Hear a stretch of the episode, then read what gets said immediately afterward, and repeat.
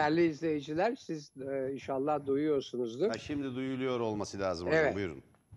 Merhaba değerli izleyiciler. Merhaba sevgili Merdan Yanardağ. Üçüncü, dördüncü defa ama sonsuza kadar tekrarlayabilirim izleyicilere saygımdan ve size olan sevgimden. Ve tabii her ikinize de saygımdan ve sevgimden ayrıca. Buyurun hocam siz mi açıyorsunuz ben mi devam ediyorum? Yok. Bugün. Bugün siz açıyorsunuz efendim. Bugün zaten halinizdedir sıra. Bunun bir önemi yok biliyorsunuz hocam ama sizin böyle bir şeyiniz var. Evet, o Ee, eskiden kalma bir evet efendim böyle bir iyidir bunlar. alışkanlığınız Bakmayın. var. Biz devam edelim. Bugün Çanakkale Zaferi'nin 107. yıl dönümü. Ee, buradan başlamak lazım. Çanakkale ile ilgili biz Tele1 olarak bugün bir e, belgesel yayınladık. Daha önce hazırlamıştık. E, metninden görüntülerinin hazırlanmasına kadar özel bir önem vererek hazırladığımız bir belgeseldi. Çanakkale'de ne olup ne bittiğini hem tarihsel bir oyunum içinde hem de bugünkü anlamı e, nedir sorusuna yanıt verecek şekilde hazırladığımız bir belgesel. Bunun çok önemli olduğunu düşünüyorum. Bugün de e. Demokrasi Arenası'ndan hemen sonra bir kez daha yayınlanacak. Üç kere yayınlandı. Yayınlanmış olacak. Çok böylece. güzeldi. Bugün bugün ekran, bugün Tele1 ekranı e, o türküyle beraber harika bir performans. Murat onu çalarak başladı. Sizin hazırlattığınız, hazırladığınız çeşitli şeyler fevkaladeydi. Ekran birinci sınıftı. Çok tebrik ederim. Teşekkür ederiz hocam. Sabah yayınlandı, öğleden sonra yayınlandı saat e, 15.30'da, sabah e, 10.40'da yayınlandı ve e, Demokrasi Arenası'ndan sonra, bugün Demokrasi Arenası, Uğur Dündar'ın ve Demokrasi Arenası'nın yasağı bitti ve bugün e, ekranlarda sizlerle olacak sürprizleri var. Önemli sürprizleri var. E, o bakımdan e, Demokrasi Arenası'nı daha programın başında kaçırmamanızı öneririm. Onun arkasından aynı belgesel bir kez daha yayınlanacak. Ben e, Çanakkale destanını yaratanlara e, buradan e, sevgilerimi ve saygılarımı iletiyorum. Onlara bin selam olsun. Çanakkale'de yenilmez armadayı durduran, e, emperyalistlerin, sömürgecilerin, yenilmez ordularını orada durduran ve bozguna uğratan Çanakkale Savaşı'nın birçok sonucu var. Bu sonuçlardan bir tanesi bir vatan bilincinin geliştirilmesidir. Bir ulus bilincinin temellerinin atılmasıdır. Çünkü din tarım toplumları veyahut merkezi feodal imparatorluklarda bir ulus bilincinin gelişmesi imparatorluğun kurucu unsuru bakımından en son gelişecek e, bir e, anlayış, bir ideoloji, bir dünya görüşü, bir tutum, bir tavırdır. E, Bu sadece bir Osmanlı İmparatorluğu için hani bir Müslüman ülkede gerçekleşen bir hadise değil, diğer büyük, çok kavimli, çok milletli bütün imparatorluklarda yaşanan bir tablodur. Dolayısıyla bunun eee, altını çizmek isterim. Bir ulus bilincinin yaratıldığı bir eee, savaştır bu. Yani orada cephede olanlar arkada bir vatan olduğunun, cephenin gerisinde, siperin gerisinde bir vatan olduğunun bilincine ulaşmış insanlardı. Bir özelliği budur. Diğer özelliği Avrupa'nın hasta adamı Büyük Osmanlı İmparatorluğu'nun bu savaşa bir yıl bile direnmeyeceği varsayılıyordu. O bakımdan Çanakkale'den geçip İstanbul'u, başkenti bir an önce aldıktan hemen sonra savaşın biteceği varsayılıyordu. Çünkü Osmanlı toprakları bu savaşın paylaşılması, Osmanlı topraklarının paylaşılması bu sava- savaşın gerçek nedeniydi. Biliyorsunuz e, Birinci ve İkinci Dünya Savaşları özellikle Marksist terminolojide e, başlangıçta ama daha sonra genel olarak bütün siyaset bilimciler ve sosyologlar tarafından tarihsel sosyolojik bir perspektiften e, olaylara bakan bilim insanları tarafından da paylaşım savaşları olarak değerlendirilir. Bunun en somut örneği bir anlaşmaya bağlanmış hali Birinci Dünya Savaşı'dır. Birinci Dünya Savaşı'nın çıkış nedeni Büyük Osmanlı topraklarını paylaşmaktır. Çünkü daha çok Arap Yarımadası'ndaki topraklar petrol ve enerji yatağıdır. Bu neden böyledir? Bakın Sovyet devriminden sonra Sovyetler Birliği'nin ilk Dışişleri Bakanlarından biri olan Dışişleri Halk Komiseri Troçki, Lev Troçki bu yüz kızartıcı anlaşmayı, utanç verici anlaşmayı 2017'de açıklıyor. 2017'de Kızıl Ordu Komutanı olmadan önce Dışişleri Halk Komiserliği yaptığı dönemde bu anlaşmayı açıklıyor ve bu anlaşmayı biz tarihin çöp sepetine attık. Kim tarafından yapılmış bu anlaşma? Çarlık Rusyası, İngiltere, Fransa ve İtalya tarafından Osmanlı topraklarının paylaşılması için bir ittifak yapılmış. Bu yüzden hep e, şöyle bir değerlendirme yapılır. Efendim iddiaçıların maceracılıkları nedeniyle e, Türkiye Birinci Dünya Savaşı'na girdi. Hayır efendim böyle yani böyle bilim dışı, akıl dışı hatta ahmakça bir tarih değerlendirmesi olabilir mi? Bu Osmanlı Türk modernleşmesinin öncüleri olan Jön Türkleri kötülemek, karalamak, onları karalamak, onları birer macera perest olarak göstermek amacıyla uydurulmuş iddialardır. Efendim Enver Paşa girmiş de işte bir çocuğumuz oldu demiş Bakanlar Kurulu toplantısında. Evet bunu demiştir, bu doğrudur. Bu doğrudur. Fakat Osmanlı'nın bu savaşa girmekten e, kaçmasının imkanı yoktur. Bu savaşa girmemesi mümkün değildir. Çünkü bu savaşın alanıdır Osmanlı toprakları. O nedenle Osmanlı saldırıya uğramıştır. O nedenle bir saldırıyla karşı karşıya kalmıştır. Bilinir İngilizlerle anlaşma yapmak için yani iddiaçı hükümet sonuna kadar çabalamış. Hatta İngilizlere e, yapılması için ısmarladıkları gemiler kendilerine parası ödendiği halde teslim edilmemiştir. Teslim edilmemesi zaten bir saldırıya uğrayacaklarının açık kanıtıdır. İngilizlerle bir anlaşma yaparak savaştan kaçınmak için ellerinden geleni yaptılar ve biliyorlardı. O yüzden İttihatçılar dünyada ki teşkilatı mahsusa mensuplarında bu görülür, anılarında da görülür. İflah olmaz İngiliz düşmanlarıdır onlar. İngiliz sömürgeciliğinin iflah olmaz düşmanlarıdır. Çünkü Arap Yarımadası'nın her metrekaresinde İngilizlerle boğaz boğaza, göğüs göğüse savaşanlar, çarpışanlar onlardır. Sadece Çanakkale'de değil. Buradan geleceğim. Şimdi Limon von Sanders'in Çanakkale'nin komutanıdır. Ünlü Amerika şey Alman ünlü Alman e, general. Anılarında diyor ki hasta adamın bu kadar büyük ve şiddetli bir direniş göstereceği tahmin edilmedi. Fakat onların anlamadığı bir şey vardı. Jön Türkler geldi ve devleti gençleştirdiler. Onu yeniden inşa etmeye çalıştılar. Ve orduyu yenilediler, modernize ettiler. Bu çok önemli bir gelişmedir. Alaylı subayların tasfiyesiyle birlikte ordu mektepli subayların yani yetişmiş, iyi yetişmiş kurmayların yönetiminde Osmanlı ordusu toparlanmıştı. Bakın buna İlber Ortaylı tarihçi bugün katıldığı bir televizyon programında buna işaret etti. Dedi ki her şeye karşın Osmanlı çok iyi yetişmiş kurmay subaylar çıkarmıştır harp okullarından. Bunlardan biri Mustafa Kemal'dir ama sadece o değildir. O kuşak genel olarak iyi yetişmiştir. İyi yetişmiş bir kurmay subaylar kuşağı çıkartılmıştır. O dönemin sadece harbiyelileri değil, tıbbiyelileri de, mülkiyelileri de, mühendishane mektebinden mezun olanlar da iyi yetişmişlerdir. Bunların e, dikkate alınması lazım. Dolayısıyla Osmanlı bu savaştan kaçamazdı. Bir. iki Osmanlı'nın bu kadar şiddetli bir direniş göstermesi, Çanakkale'de e, yenilmez orduları yenilmi, yeni, e, yenip bozguna uğratmasının nedeni gençleşmiş devrimci bir yönetime sahip olmasıdır. O bakımdan 1917'ye kadar Osmanlı İmparatorluğu, Osmanlı aslında bilinen sınırlarının çok gerisine düşmemiştir. Bozgun yenilgi son bir yılda gelir. Son bir yılda gelir. Çünkü artık direnecek gücü kalmıyor. Almanya'da savaşı diğer cephelerde kaybetmeye başlayınca direnecek gücü kalmıyor. İkincisi, üçüncüsü.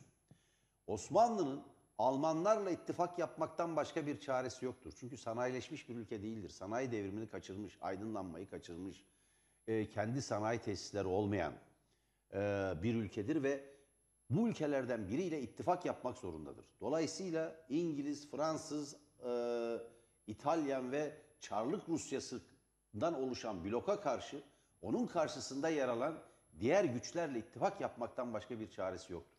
Avusturya Macaristan İmparatorluğu vardır, Alman devleti vardır ve bazı Balkan devletleri vardır, Bulgaristan gibi. Bu nedenle Batı Trakya Türk Cumhuriyeti e, diye iddiaçların kurduğu e, Balkan Savaşı'nda kaybedilen toprakları yeniden ele geçirip kurdukları cumhuriyeti bile bu nedenle tasfiye etmek zorunda kalıyorlar. Bir başka sonucu da şudur. E, bu savaştaki e, yaratılan ulus duygusu ve vatan fikri daha sonra cumhuriyetin kuruluşunun temelini oluşturacaktır.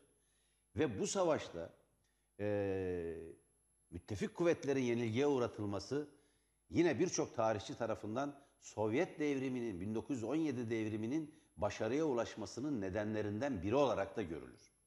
Tartışmalı bir değerlendirmedir bu ama bana göre büyük ölçüde doğrudur çünkü eğer 1917 devrimi, eğer Çanakkale Savaşı kazanılmamış olsaydı Örneğin Boğazlar, e, örneğin İstanbul, örneğin Osmanlı toprakları İngiliz ve Fransız egemenliğine, İtalyan egemenliğine geçmiş olsaydı bu güçler çok kolaylıkla Çar, Çar'ın yardımına koşacaklar ve devrimi boğacaklardı. Çünkü 17'de devrim gerçekleşiyor ama devrim gerçek anlamda 4 yıl süren iç savaştan sonra 1921'de kazanılmış oluyor. Sovyetler Birliği'nde iç savaş ya da Rusya'da iç savaş 17'den ya 1917'den 1920 21'lere kadar devam eden çok büyük bir e, boğazlaşmadır. Çok büyük bir e, savaştır. E, çok kolaylıkla boğabilirlerdi Sovyet devrimini. Böyle önemli sonuçları var. O bakımdan e, Çanakkale Savaşı e, bir başka e, sonuç daha yaratmıştır. Onunla bitireyim. Mustafa Kemal'i yaratmıştır. Yarbay olarak, kurmay yarbay olarak girdiği savaştan kurmay albay olarak çıkar ve bir süre sonra da zaten general sınıfına geçer. Yani paşa olur. E, verdiği isabetli kararlar, büyük kahramanlıklar ve gazilik nişanını orada alması. Yaralanır çünkü o savaşta. Ve ünlü, e, ünlü anafartalar e, muharebesini kazanması ve anafartalar kahramanı olarak çıkması o dönemin gazetelerinde de haberdir zaten. Fotoğrafları yayınlanır. Bu büyük bir imparatorlukta yani e, milyonlarca kilometre kareden oluşan bir imparatorlukta ve dünyada isim yapmasına, öne çıkmasına, parlamasına, yıldızlaşmasına yol açan bir gelişmedir. Ve zaten e, bir başka e, özelliği de şudur. Çanakkale Savaşı'na gönüllü katılan isimlerden biridir. Bir şey daha söyleyip hemen size vereceğim hocam. Çok uzattım kusura bakmayın lütfen.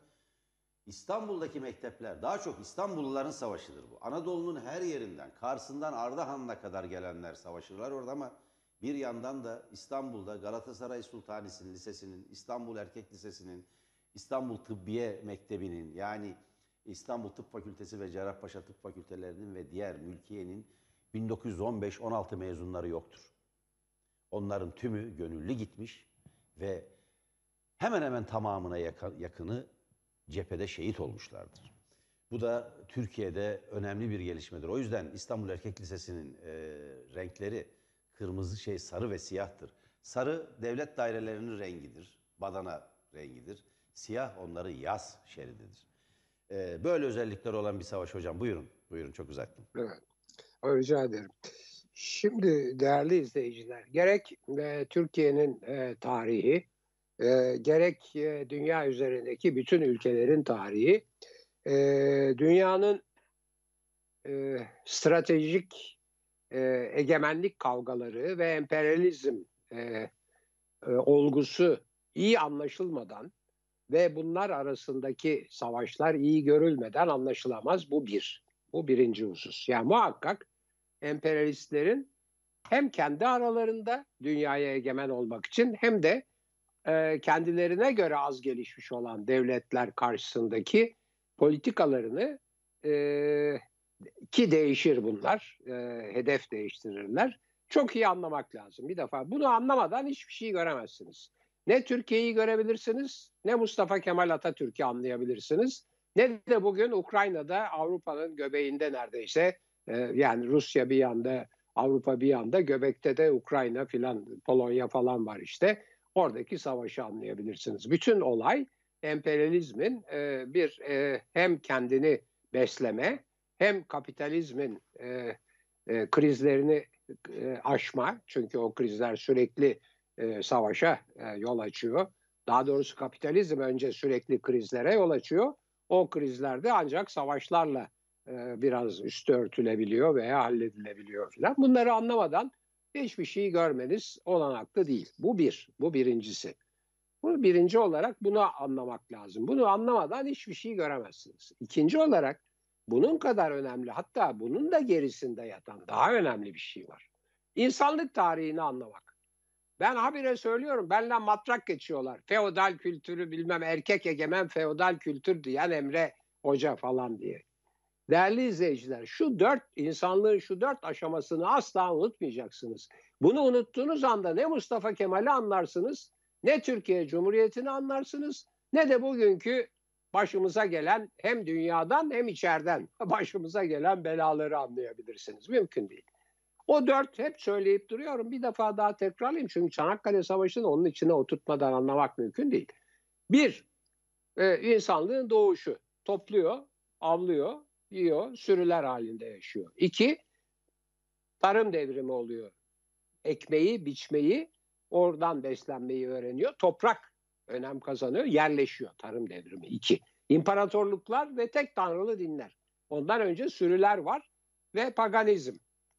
Burada kuşa, işte şimşeğe, yıldırma filan tapıyor. İki, tarım devrimi. Yerleşiyor, imparatorluklar, krallıklar, savaşlar, din geliyor, mezhepler geliyor. Her din, egemen dinin karşılığında muhalefet bir meslek, mezhep doğuruyor. Yani e, Katolik, Ortodoks ayrımı da bir anlamda öyledir. Doğu Roma, Batı Roma kavgasıyla çıkmıştır. Asıl din Ortodoks olarak Doğu Roma'nın dini olarak geliyor Konstantin'le Hristiyanlık. Çünkü Konstantin Hristiyanlığı resmi din olmasa bile kabul edilen din kabul eden Bizans'ın dediğimiz Bizans diye bir şey yok. Doğu Roma aslında o. imparatordur. Ve oradan işte ondan sonra o kavgalar yani siyasal kavga, emperyalizmin kendi içindeki kavga din ve mezhep kavgalarına dönüşüyor. Ondan sonra Avrupa'ya işte Almanlar, İngilizler kime papa, papa mı egemen ona mı vergi vereceksin, kim kime egemen olacak. Mesela Napolyon alıyor kendi tacını kendi giyiyor. Kendi takıyor kafasına koyuyor. Papanın elinden alıyor filan öyle. Çünkü işte o zaman kadar çeşitli dalaverelerle diyeceğim. Mine Kırık Kanat'ın kitabını okursanız onu anlarsınız.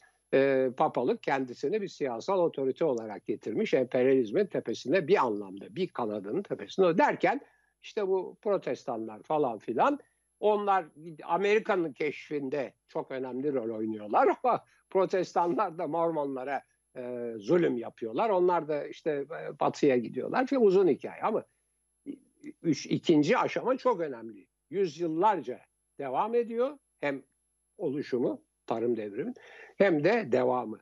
Ve bütün değerler orada beliriyor. Erkek egemen, erkeğin gücü, kadını yani bu bir skandal bir olay var. Yargıtay da, e, Ceza Daireleri Genel Kurulu e, bir katilin e, hafifletilmiş cezasının hafifletilme nedeni olarak kadının evlenme teklifini reddetmesini gerekçe sayıyor. Bu, bu utanç verici bir şey, utanç verici. Yani diyeceksiniz ki şimdi Çanakkale Savaşı'nı anlatırken bu nereden çıkıyor? Şuradan çıkıyor.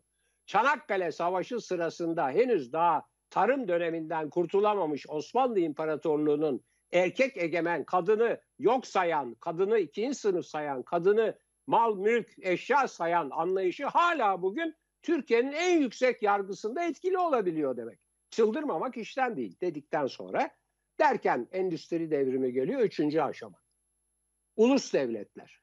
Şimdi Çanakkale Savaşı'nda Osmanlı henüz tarım döneminde henüz daha öyle milliyetçilik vesaire filan daha lafları konuşuluyor. Tam iki, bir, e, iki, 1915'tir işte. Yani yavaş yavaş Ziya Gökalp ortaya çıkıyor. Ama daha iddiaçılar onu tam benimseyememiş. Yani işte o yani anlatırlar. Ziya Gökalp anlatıyor iddiaçılara Türklük mürklük kurtulacak işte böyle olacak ulusçuluk filan diye. E, Talat Paşa uyuklamaktadır o sırada. Ondan sonra yani şey itiraz eder biraz Gökalp hafif alınır e, paşam filan böyle bir şey. Siz devam et devam et hoca devam et der ve uyuklamasına devam eder filan.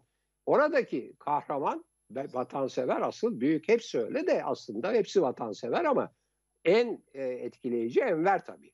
Enver tam bir vatansever, tam bir kahraman ama ama nerede Mustafa Kemal'in benim şimdi anlattığım dünya görüşü, nerede Enver'in dünya görüşü neyse ona sonra geliriz gerekirse. Dördüncü aşamada bugün içinde olduğumuz işte bilişim aşaması filan. Şimdi Çanakkale Savaşları'nda Osmanlı İmparatorluğu henüz tarım döneminden kurtulamamış. Henüz o din tarım toplumlarının imparatorluğunun gücünü de kaybetmiş. İngiltere'ye kaybetmiş. Çünkü Roma'dan sonra dünya imparatorluğu Osmanlı. Osmanlı'dan endüstri devrimi başlayınca İngiltere alıyor. Orada bakın fevkalade önemli. Henüz tarım döneminin anlayışlarını, askerliğini vesairesini aşamamış bir imparatorluğun ve enkaz haline gelmiş. Balkan savaşlarını kaybetmişiz ya. Daha ötesi var mı? Balkan savaşları kaybedilmiş. Felaket. Ve orada olmayan olmayan birliklerin komutanlığını atanan Mustafa Kemal olmayan birlikleriyle gidiyor ve hakikaten 18 Mart çok büyük bir başarıdır. O Cevat Çobanlı Paşa vardır o, o sırada orada. Albay filan işte Miralay lütbesinde. Onun müstahkem mevki komutanı Cevat Çobanlı'dır. Çok önemli bir komutandır. Onun kurduğu savunmayla şeyi geçemiyorlar. Boğazı geçemiyorlar ve 25 Nisan Atatürk'ün parladığı ve hem Osmanlı'nın hem Cumhuriyet'in döneminin değiştiği bir andır o. Asıl belki o işte yani bir takım yazarlar Stefan Zweig filan Zweig filan tarihin değiştiği an ya işte parladığı an filan diye bir şeyler yazar. O bir 18 Mart'tır bir de 25 Nisan'dır. 25 Nisan'da o bütün iddialarına rağmen e, Alman işte Sanders, Manders onlar da genel kurma başkanı bir de utanmadan diyorlar ki ya Mustafa Kemal onun emrinde bir subaydı işte filan ne önemi var? Ne önemi var mı? Adam yanlış yerlere çıkarılma yapılacağını bekliyor. Yanlış yerlere işaret. Mustafa Kemal orayı daha önce etüt etmiş. Sofya'dan döndüğünde orada görevli. Bakıyor gidiyor ve ve yenilirken tam yani Boğaz'ı 18 e, Mart başarısıyla geçemeyen müttefikler ki dünya hakimi ya dünya hakimi. Ötesi yok. İngiliz, Fransız, İtalyan ne kadar var yani işte ve bütün bütün İngiltere'nin bütün müstemlekelerinden, sömürgelerinden gelen askerler, Müslüman askerler dahil. Öyle o sırada Birinci Dünya Savaşı çünkü bir de halifeliğin de hiçbir işe yaramadığını göstermiş.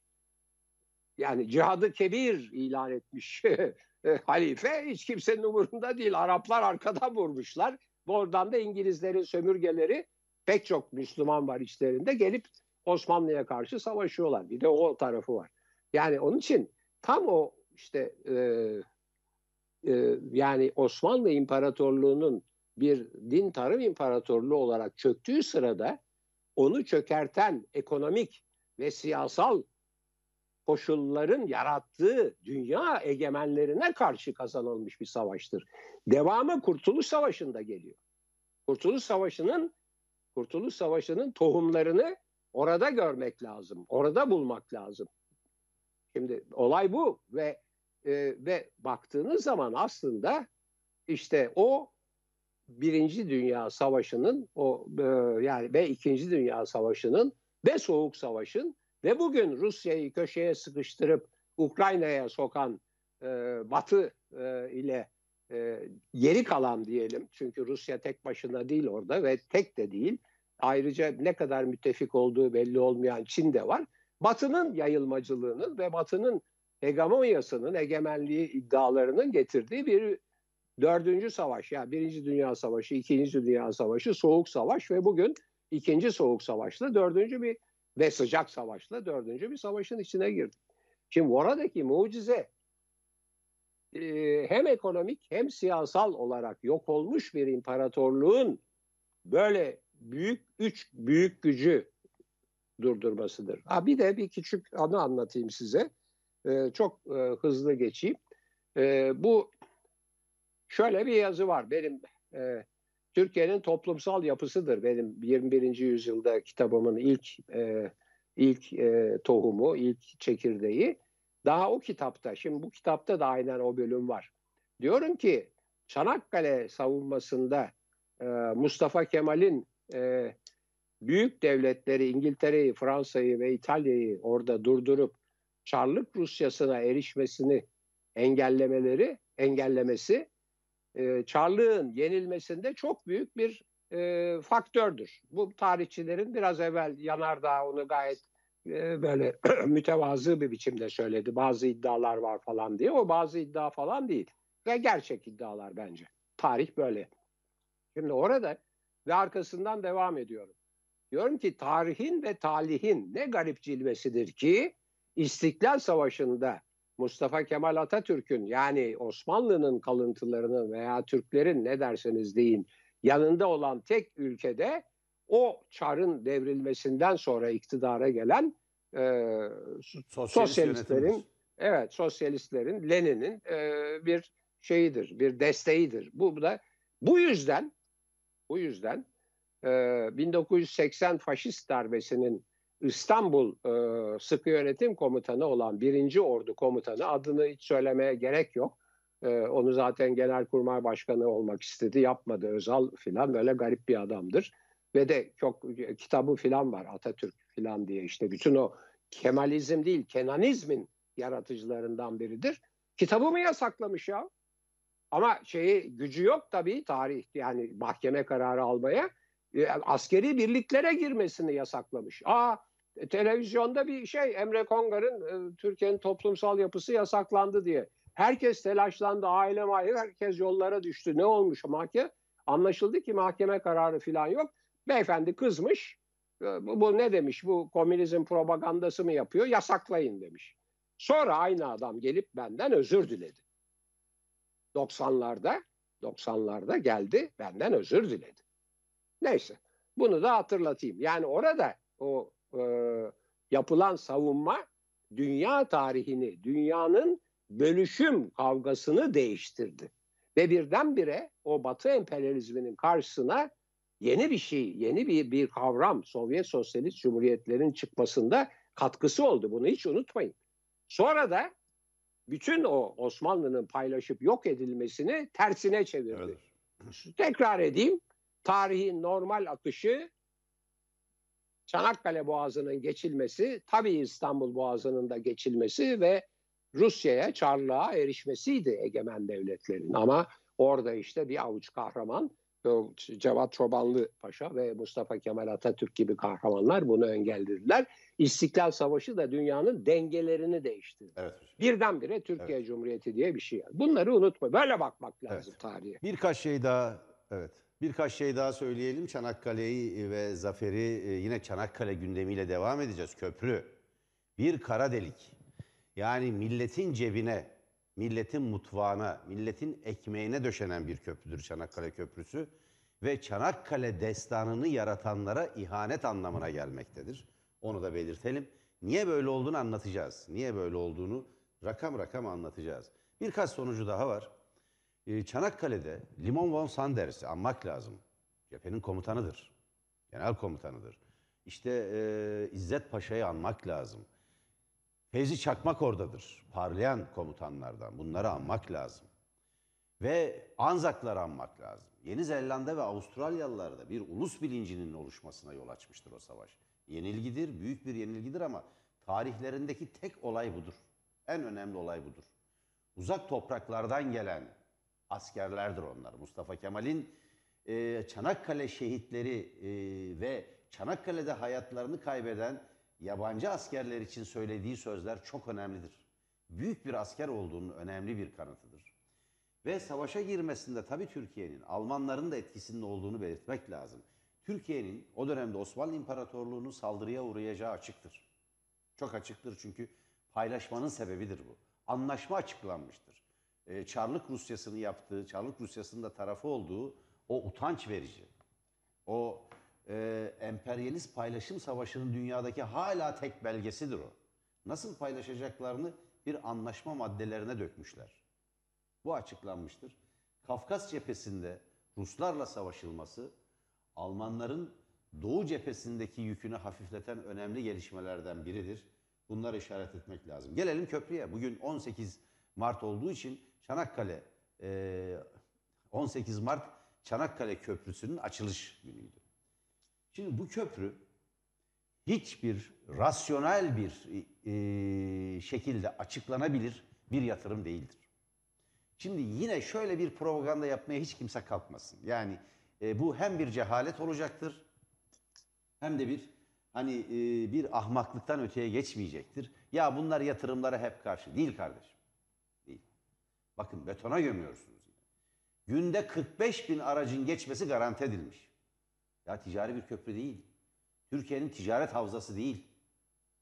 Tatile gidenler dahil yazın geçen, en yoğun geçen araç sayısı 12.400 bir günde. Feribotlarla taşınabiliyor bu. Ay, o da yazın. O da yazın. O da yazın bakın. Feribotlarla taşınıyor. 12 ay, 365 gün, 24 saat için söylüyorsunuz bunu. Peki en fazla 12.400 araç geçmiş. Peki 45 bin araç geçişi garantiliyorsunuz. Bu 32.600 aracın parasını kim verecek? Biz vereceğiz. Bu millet verecek. Ne diyor bugün? Bakın apar topar kürsüden de indirildi Erdoğan. AKP Genel Başkanı. Yani bir parça hayır konuşmasını uzatması kibar bir şekilde benim yorumum bu yanılıyor olabilirim. Kibar bir şekilde engellendi ve indirildi. Çünkü ne söyleyeceğini bilmiyorum. Hazineden karşılayacağız dedi. Kalabalığa diyor ki 200 lira geçiş. Pahalı mı kalabalık? Evet pahalı diyor. O devam ediyor konuşmaya. Gerçeklikten kopmuş durumda. Bir aracın geçişi 200 lira. Yahu niye geçsinler? 65 liraya feribotla geçmek varken, 55 liraya özel feribotlarla geçmek varken 200 liraya geçecekler. Peki günde 9 milyon lirayı garantilemiş. 45 binle 200 lirayı çarpın. 9 milyon lirayı günde garantiliyorsunuz. Peki yılda? Ayrıca başka bir şey var. 2,5 milyon avro proje bedeli bunun. Bunun 750 milyon avroya maliyetinin 750 milyon avro olduğu belirtiliyor uzmanlar tarafından. Peki 2,5 milyar avro çok yüksek bir para dünyanın her yerinde. Bakın bunun için birkaç tane tüpraş yaparsınız. İstihdam ve katma değer yaratan fabrikalar, işletmeler, ileri teknoloji yatırımları yapabileceğiniz halde mühendislerinizi istihdam edecek, genç ve yetişmiş teknikerlerinizi, teknisyenlerinizi istihdam edebilecek, ileri teknoloji kullanan yatırımlar yapabileceğiniz halde hiç ihtiyaç olmadığı ortadayken Çanakkale Köprüsü'nü yaptınız. Ve oradan şimdi rakamlara bakalım. 15 avroyu 15 avro 246 e, bugünkü kurdan 246 lira eder. 200 liraya indirmiş oldu Sayın Cumhurbaşkanı. Bir haftada ücretsiz geçiş. Vallahi Allah razı olsun ne diyelim. Ama şimdi garantili geçiş ücreti yıllık ne kadar biliyor musunuz? 400 milyar lira. 400 milyar bir yılda. İnsaf ya. İnsaf. 400 milyarı garantilemişsiniz yap işlet devlette. Kim burada yapanlardan? Beşli çete mensuplarından biri. Limak. Onun Koreli, Güney Koreli ortakları var. Konsorsiyum, bir konsorsiyum oluşturulmuş. Yüklenici firmalardan biri Limak. Biz Tele1 olarak Limak'ın verdiği prestij reklamını yayınlamadık Çanakkale Köprüsü ile ilgili. Çünkü Çanakkale üstünde bir uzun köprü diye o güzelim şarkının, o güzelim türkünün o şehitler için yapılan, Çanakkale'de savaşanlar, bu ülke için vuruşanların, hayatlarını ortaya koyanların yaktığı o türküyü biz bir reklamda böyle kirletilmesine izin veremezdik. Reddettik. Bizim dışımızda her yerde yayınlandı. Reddettik. Çanakkale üzerinde bir uzun köprüymüş. O köprünün biz nereye kurulduğunu, milletin kasasına, milletin cebine, milletin sofrasına kurulduğunu biliyoruz. 400 milyar. 45 bin günde geçiş garantisi, günde 9 milyon. 9 milyon lira. 400 milyardan biraz az tabii. 246 liradan 200 liraya indirdiği için herhalde 390 milyar lira. Böyle bir köprünün bugün açılışı yapıldı. Açılış töreni de enteresan. Açılış töreni de çok ilginçti. Vallahi şey e, e, Selçuklu ordusundan Osmanlı ordusundan Yeniçerilere kadar bir dizi asker motifi o sarayda var ya Beştepe'de Beştepe Sarayı. E, saray rejimi çünkü bu. Yani böyle bir 21. yüzyılda yani bu tuhaf bir tarih ve anlayışı var. E, herhalde işte bu anlayış da biliyorsunuz evliyaların kazandığını ileri sürüyorlar e, Çanakkale'yi. Ve Atatürk'ün hiçbir e, kahramanlığı ve önemi yokmuş. O zaten İngiliz yanlısıymış bir de. Yani İngilizlerle savaşan adama İngiliz yanlısı e, diye bir yafta da yapıştırmaya çalışıyorlar. Şu kadarını söyleyelim. Çanakkale Köprüsü'nü yapanların ihtilaf halinde yetkili olarak tayin edildikleri mahkeme Londra'da. İngiliz mahkemeleri. Utanmıyor musunuz bundan? İngiliz sömürgeciliğine karşı savaşanlar bir tarafta, İngiliz mahkemelerini tahkim gösterenler bir tarafta. Bir yalan, bir yalan imparatorluğu kurdular. Bir yalan rejimi kurdular. Kara bir propagandayla işi götürmeye çalışıyorlar. Bir manipülasyonla, bir medya operasyonuyla Türkiye'yi yönetmeye çalışıyorlar. Evet, 18 Mart'ta böyle bir şey var işte. Bakın, Çanakkale geçilmez diyenlere Çanakkale'yi parsel parsel şu anda köprünün etrafındaki arsaları satan arsa simsarları çıktı. Çanakkale geçilmez diye orada kanını dökenler bir yanda duruyor. Biz onların soyundan geliyoruz. Biz evladı Çanakkale'yiz. Onlar evladı emlaktan geliyorlar. Bu ülkenin yurtseverleri evladı Çanakkale'dir. O Çanakkale'de Seyit Onbaşıların soyundan gelir onlar. Onlar Mustafa Kemal'lerin soyundan gelir. Onlar oradaki meçhul askerin soyundan gelir.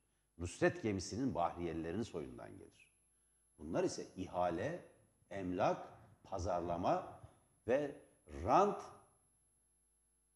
ve vurgun ideolojisinden geliyorlar. Buyurun hocam. Evet. Evet, şimdi tabii Mustafa Kemal'i Atatürk'ü iyi anlamak lazım. Ee, çünkü bu e, İngiliz taraftarıydı falan. Üstelik de yani çok Sosyal medyada böyle şeyler yazıyorlar hocam. çok hiç sormayın. çok hayır maalesef onların kökü kökeni maalesef e, çok saygın, çok yetenekli başka bazı insanlara da e, dayanıyor. Yani şey filan Mısıroğlu'nu filan bırakın onlar soytarı yani onlardan bir şey çıkmaz. O yani, yani birçok öyle şairleri var bilmem yazar olduğunu iddia edenler filan onlar önemli değil. Asıl çok önemli olan mesela Kemal Tahir gibi bir müthiş e, yetenekli bir romancı, e, benim de hayran olduğum bir romancı var. Efendim e, İdris Küçükömer gibi e, Marksizmi çok iyi bildiğini zannettiğimiz, kendisinin de Bilmezler sandığı, hocam onlar. Evet, Bilmezler. evet maalesef ondan sonra bir takım e, akademisyenler de var. Yani e, Kemal Tahir e, genç yaşlarında çok koyu bir Atatürkçü. Sonra birdenbire Atatürk karşıtı bir Osmanlıcı olmaya evriliyor. Dehşet verici bir şey. E, İdris Küçükömer daha da önemli bir e, bir e, sorun. Çünkü e, özellikle e, Marksizmin e, Türkiye'deki yorumcusu, temsilcisi olarak her şeyi alt üst ediyor. Tarihi alt üst ediyor, Marksizmi alt üst ediyor. Her şeyi alt üst ediyor. Sağ soldur, sol sağdır, e, saray gericidir, e, işte köylü ilericidir filan gibi abuk sabuk şeyler söylüyor. Ve oradan yürüyen bir ikinci cumhuriyetçi damar var. Şeye bakın, Zülal Kalkandele'nin kitabına bakın. Yani ikinci cumhuriyetçiliğin temelleri gibi. Yani şeyi görmüyor. Endüstri devrimindeki işçinin niteliğiyle tarım devrimindeki köle köylünün farkını göremiyor ya. Diyor ki istismar eden e, e, şeydir, işte e, gericidir, bilmem sömürülen ilericidir. O zaman yani gidin Atina dönemine, yani eski Yunan'a gidin, bütün köleler ilerici. Aslında Roma'da öyle. Spartaküs var. Spartak bana diyorlar ki ya bir bir tanıtım reklamı var. Sen ne diyorsun şey çalışanlarına? Tele1 çalışanlarına diye ben Spartakistler diyorum. Doğru ama ne oluyor? Ee, yani işte düzen aynen devam ediyor falan. Yani o şeyle o, o bilinç başka bir şey. E, objektif koşullar var, sübjektif koşullar var. Onlardan bir yani işçiyle köylü tarım döneminin köylüsü toprağa bağımlıdır. Şimdi Türkiye'de o kalmadı. Yani e, fiilen köylü fiilen köle olanlar artık işçiler ve e, memurlar. Yani açlık sınırına bastırıldılar. Onlar köleleştirildi. E, ama o işte e, hiç olmazsa coğrafi bağımlılık falan ortadan kalktı.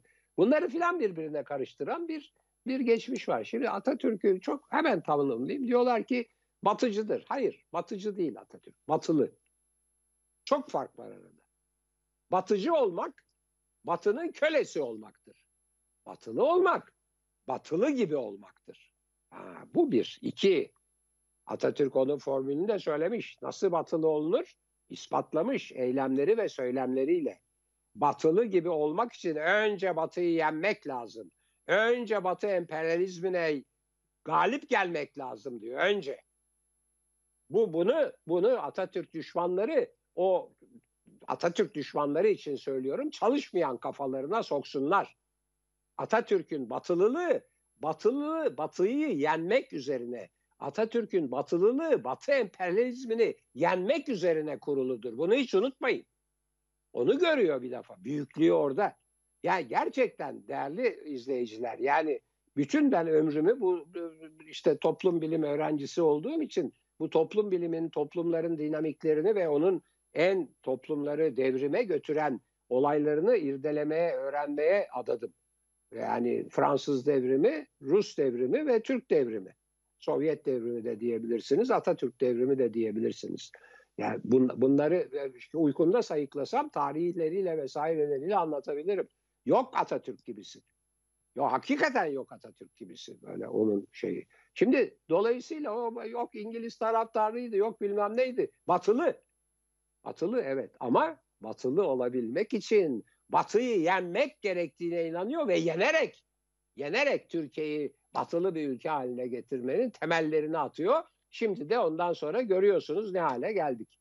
Yani evet. E, evet. Buyurun. Şimdi bir iki rakam e, ve isim verelim, sayı ve isim verelim. E, komutanları saydım, haksızlık etmemek lazım. Başkomutan Enver Paşa, hiç unutmamak lazım. Harbiye Nazırı. Limon von Sanders cephe komutanıdır. Cevat Paşa, Mehmet Esat Paşa, e, Vehip Paşa, Fevzi Bey, yani daha sonra Fevzi Çakmak olacak e, Fevzi Bey, e, o da e, cephededir. Çolak Faik Paşa, Mustafa Kemal Bey, Yakup Şevki Bey, Cafer Tayyar Bey, Ahmet Fevzi Bey, Halil Sami Bey, Kazım Karabekir Bey, Selahattin Adil Bey. Bunlar komutanlardır. O savaşı yaratanlar. Şimdi kuvvetler de çok önemli. 489 bin Büyük Britanya İmparatorluğu askeri geliyor oraya. 489 bin. Korkunç bir sayı bu. 79 bin Fransız askeri var. Daha sayıda yani 10 bin civarında İtalyan bulunuyor. Bu rakam yaklaşık olarak yani 560 bini aşan bir rakam. Peki sayı. Osmanlı İmparatorluğu'nun, e, Osmanlı Devleti'nin asker sayısı 315.500. 315.500 asker var. Toplam zayiata bakıyorsunuz. 45 ila 50 bin arasında müttefik kuvvetlerin kaybı var. Yani Frans, İngiliz ve Fransızların. Türk kayıpları 56 bin. İlk anda ölen, cephede ölenler, cephe gerisinde ölenler yani hastanede ölenler 21 bin olmak üzere toplam 77 bin kaybı var. Yani zannedildiği gibi 250 bin şehit değil. Bu rakamlar hep yanlış. Genelkurmay e, arşivlerinde gerçek rakamlar var. Toplam iki tarafın toplam ölüm sayısı yaklaşık olarak 150 bin civarında. Fakat yaralı, sakat kalan ve daha sonra ölen, hastalıktan ölen isimler var. Toplam zayiat diye yani cephedeki zayiat diye bakıldığı zaman evet rakamlar ya yani sayı 250 bini buluyor. Ee, bunu da belirtmiş olalım hocam. Buyurun. Yani hep evet. ikide bir dönüyoruz Çanakkale'ye ister istemez. Buyurun hocam.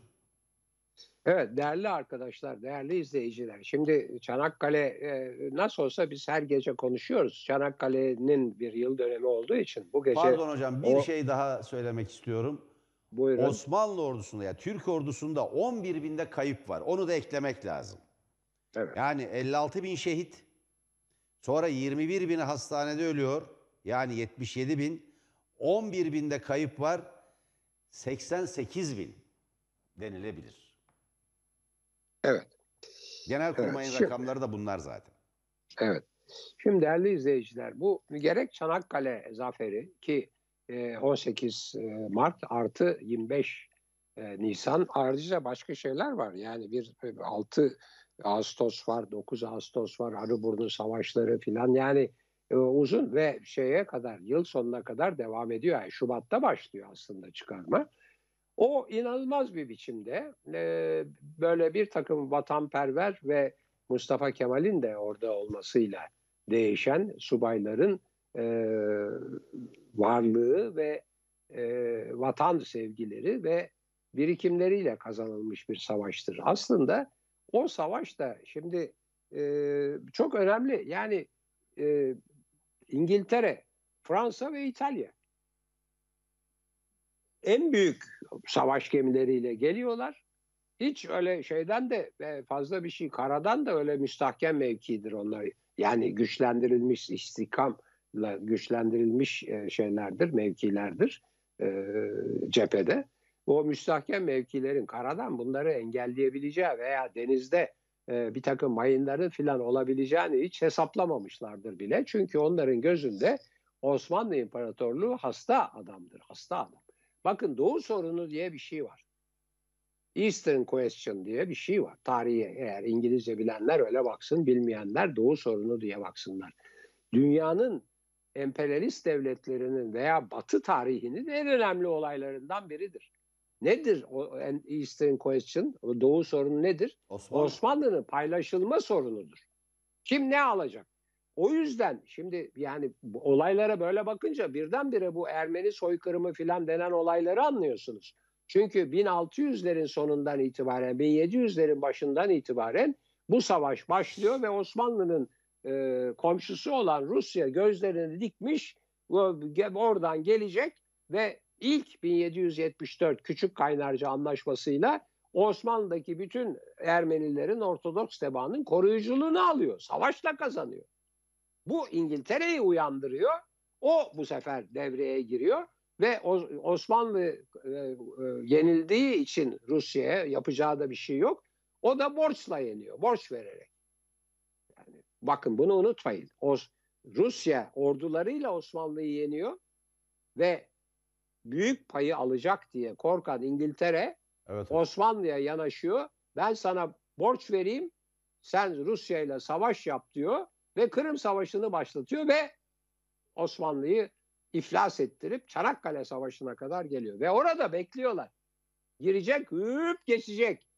İşte öyle öyle işte Mustafa Kemal'in filan Osmanlı'nın kalıntılarının Mustafa Kemal'in Türkiye İstiklal Türk İstiklal Savaşı'nın e, tarihine böyle bakmak lazım. Bunu göreceksin. Bir çağ gerisinden tarım döneminden endüstri döneminin galip devletlerini en büyük güçlerini yeniyor. Yeniyor.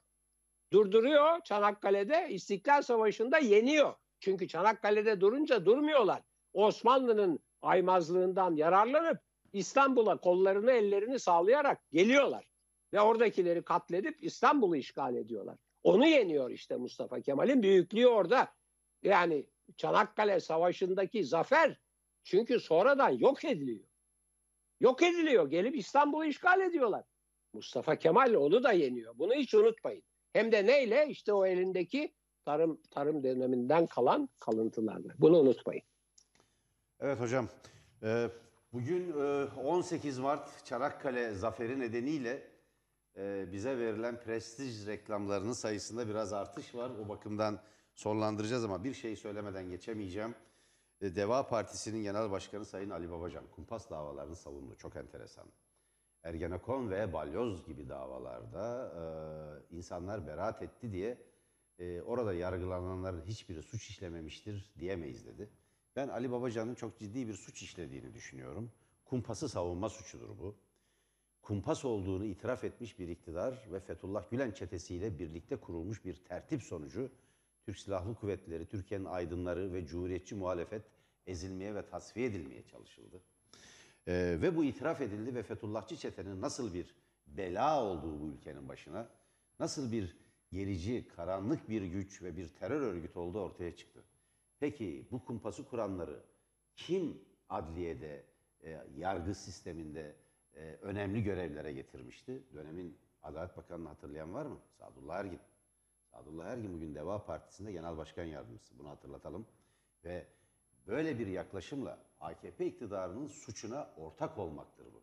AKP iktidarı bile bu bunu savunmazken, AKP genel merkezi bile bu görüşleri savunmazken bunu iddia etmek cemaate göz kırpmak anlamına gelir. Bunu da belirtmek isterim. Bugün arena günü. Arena günü önemli. Uğur Dündar dönüyor ama çok önemli sürprizlerle dönüyor. Arena programı için İstanbul Büyükşehir Belediye Başkanı Sayın Ekrem İmamoğlu özel bir çekim yaptı. Bu çekim yayınlanacak. Ee, bu çok önemli. Müjdat Gezen'le yani yıllar boyu konuşacağınız çok özel bir skeçte, çok özel bir söyleşi de bu programın bir parçası olacak. Ve yine sürpriz konukları var Barış Doster gibi, Selçuk Geçer gibi e, ve e, Atatürkçü Düşünce Derneği Başkanı e, Sayın Bozkurt gibi çok önemli, Hüsnü Bozkurt gibi çok önemli konukları var. Bu konuklarıyla dolu dolu bomba gibi bir arena, demokrasi arenası programı olacak. Bizden hemen sonra saat tam 21'de ekranlarınızdan ayrılmayın. Tele1'i seyretmeye, izlemeye devam edin. Uğur Dündar'ın Demokrasi Arenası'ndan sonra da Tele1'in hazırladığı Çanakkale belgeseli var.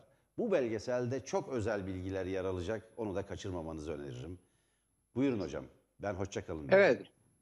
Evet değerli izleyiciler açlığa ve karanlığa ve baskılara mahkum edildiğiniz bu dönemde sağlığınızı korumayı unutmayın. Bu dönemi e, sağ sağlam sağlam salim sağ salim atlatmaya bakın. Ondan sonra haysiyetinizi özellikle sonra şeref ve namusunuzu hatırlatarak başkalarını da ve varsa paranızı da korumaya çalışın. Görüşmek üzere.